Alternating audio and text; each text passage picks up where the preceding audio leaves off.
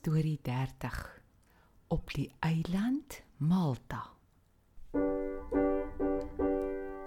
Dis storie tyd, kom luister gou, 'n Bybelstorie net vir jou. 'n Storie van ons Jesus Heer. Kom luister en kom leer. Kom luister en kom leer. Hallo julle almal. Hallo Tobias. Hallo Mats. Ek het gedonder. Hou julle ook so daai soos ek van 'n lekker kaggel of 'n ou darring vuurtjie as dit koud is. Ek weet nie van die maatsie, maar ek is baie lief vir 'n vuurtjie. Dit moet darm net op 'n veilige plek wees waar dit nie 'n brand kan veroorsaak nie. Haai. Ek het 'n storie oor 'n lekker warm vuurtjie toe dit koud was. Regtig? Nou laat ons hoor. Julle onthou die storie van Paulus hulle wie se skip gestrand het? Nou ja, toe hulle uitspoel op die eiland Malta, toe begin dit boonop reën ook.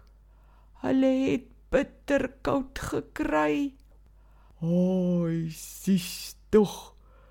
Dat doen die mense van Malta toe. Die mense op die eiland was baie vriendelik. Ek dink hulle het na die strand toe gestroom toe hulle sien hier is yskoue, verskrikte mense. Hulle het hulle seker baie jammer gekry. Iemand stel toe voor: Kom ons maak 'n groot vuur dat die koue nat mense bietjie kan warm word. Net daar begin hulle hout bymekaar maak en nooi vir Paulus hulle vriendelik nader. Paulus en die ander mense begin toe ook hout bymekaar maak sodat hulle 'n lekker groot vuur kan maak. Hulle was 'n groot groep mense van 276 mense. Ja, hulle sou 'n groot vuur moes maak om al daai klomp mense daarin te kry. Tobias, Paulus kon 'n lekker groot klomp hout bymekaar kry. Hy het dit nader gebring en op die vuur gegooi. Wat Paulus nie agtergekom het nie, is dat hy sommer 'n slang ook opgetel het saam met die hout. Toe die hout so lekker warm begin word, word die slang ook warm en hy begin seil daar tussen die hout uit. Die naaste ou aan die hout was Paulus. Die slang het so groot geskrik dat hy toe sommer die eerste die beste ding byt. Paulus se hand. Daar hang die slang toe aan Paulus se hand. Sjotani, dis dit 'n giftige slang.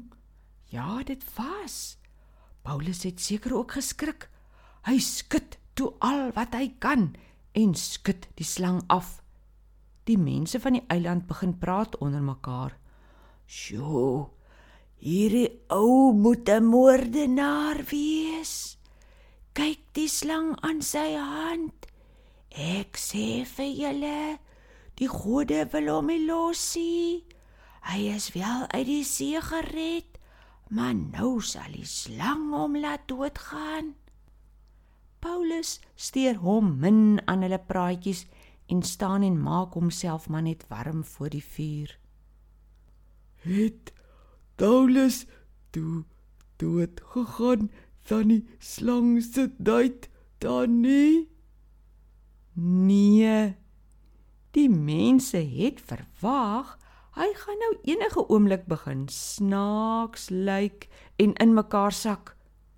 Maar die tyd loop aan en Paulus staan steeds skierts regop. Die slang se byt het hom niks gemaak nie. Toe begin die mense anders praat.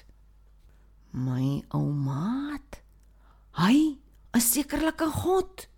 Hy kom aan niks oor van ons giftige slang se byt nie. Dis nou goeie nuus. Hulle het seker toe nog nie dan Jesus geweet nie. Ek dink nie so nie, maar hulle het wel toe van hom gehoor, want daar gebeur toe nog wonderlike dinge. Die hoof van die eiland se naam was Publius. Hy het 'n plaas gehad. Hy nooi toe vir Paulus en sy vriende om vir 3 dae daar by hom te kom kuier. Hy was baie vriendelik teenoor hulle. Paulus hoor toe dat Publius se pa baie siek is. Hy was so siek aan die maagkoors dat hy in die bed gelê het. Paulus gaan toe na die siek oom toe. Hy het voor sy bed gaan staan, tot God gebid en sy hande op die siek oom gelê en raai net wat? Dat Tannie Daar raak die oom gesond. God het Paulus se gebed beantwoord. O, wonderlik. Ek is so bly. Ons God is so vriendelik en hy hoor ons as ons dit net so Tobias. Ja, en toe die mense van Publius se pa hoor, toe bring hulle sommer nog en nog siekes na Paulus. Paulus het gebid en God het hulle almal gesond gemaak. Ag, fantasties. Nalta se mense, daar seker daai dank daar. Ja, hulle was. Die hele klomp mense van die skip het vir 3 maande op Malta gebly voor 'n volgende skip met die naam Dioscuri hulle verder kon vat. In daardie tyd het die mense van Malta vir Paulus hulle geskenke gegee. Hulle was so dankbaar oor die siekes wat gesond geword het en seker ook oor hulle nou van Jesus geweet het.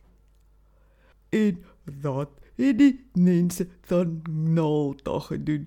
Toe Paulus hulle op die Dioscuri klim. Sjoe Tobias, jy onthou mooi daai moeilike naam. Maar ja, toe hulle die dag moet vertrek, het die mense vir hulle alles gegee wat hulle gekort het om verder te reis. Kos, klere, skoene, medisyne, skryfgoed en sommer nog klomp goed wat hulle gedink het Paulus hulle kon nodig kry.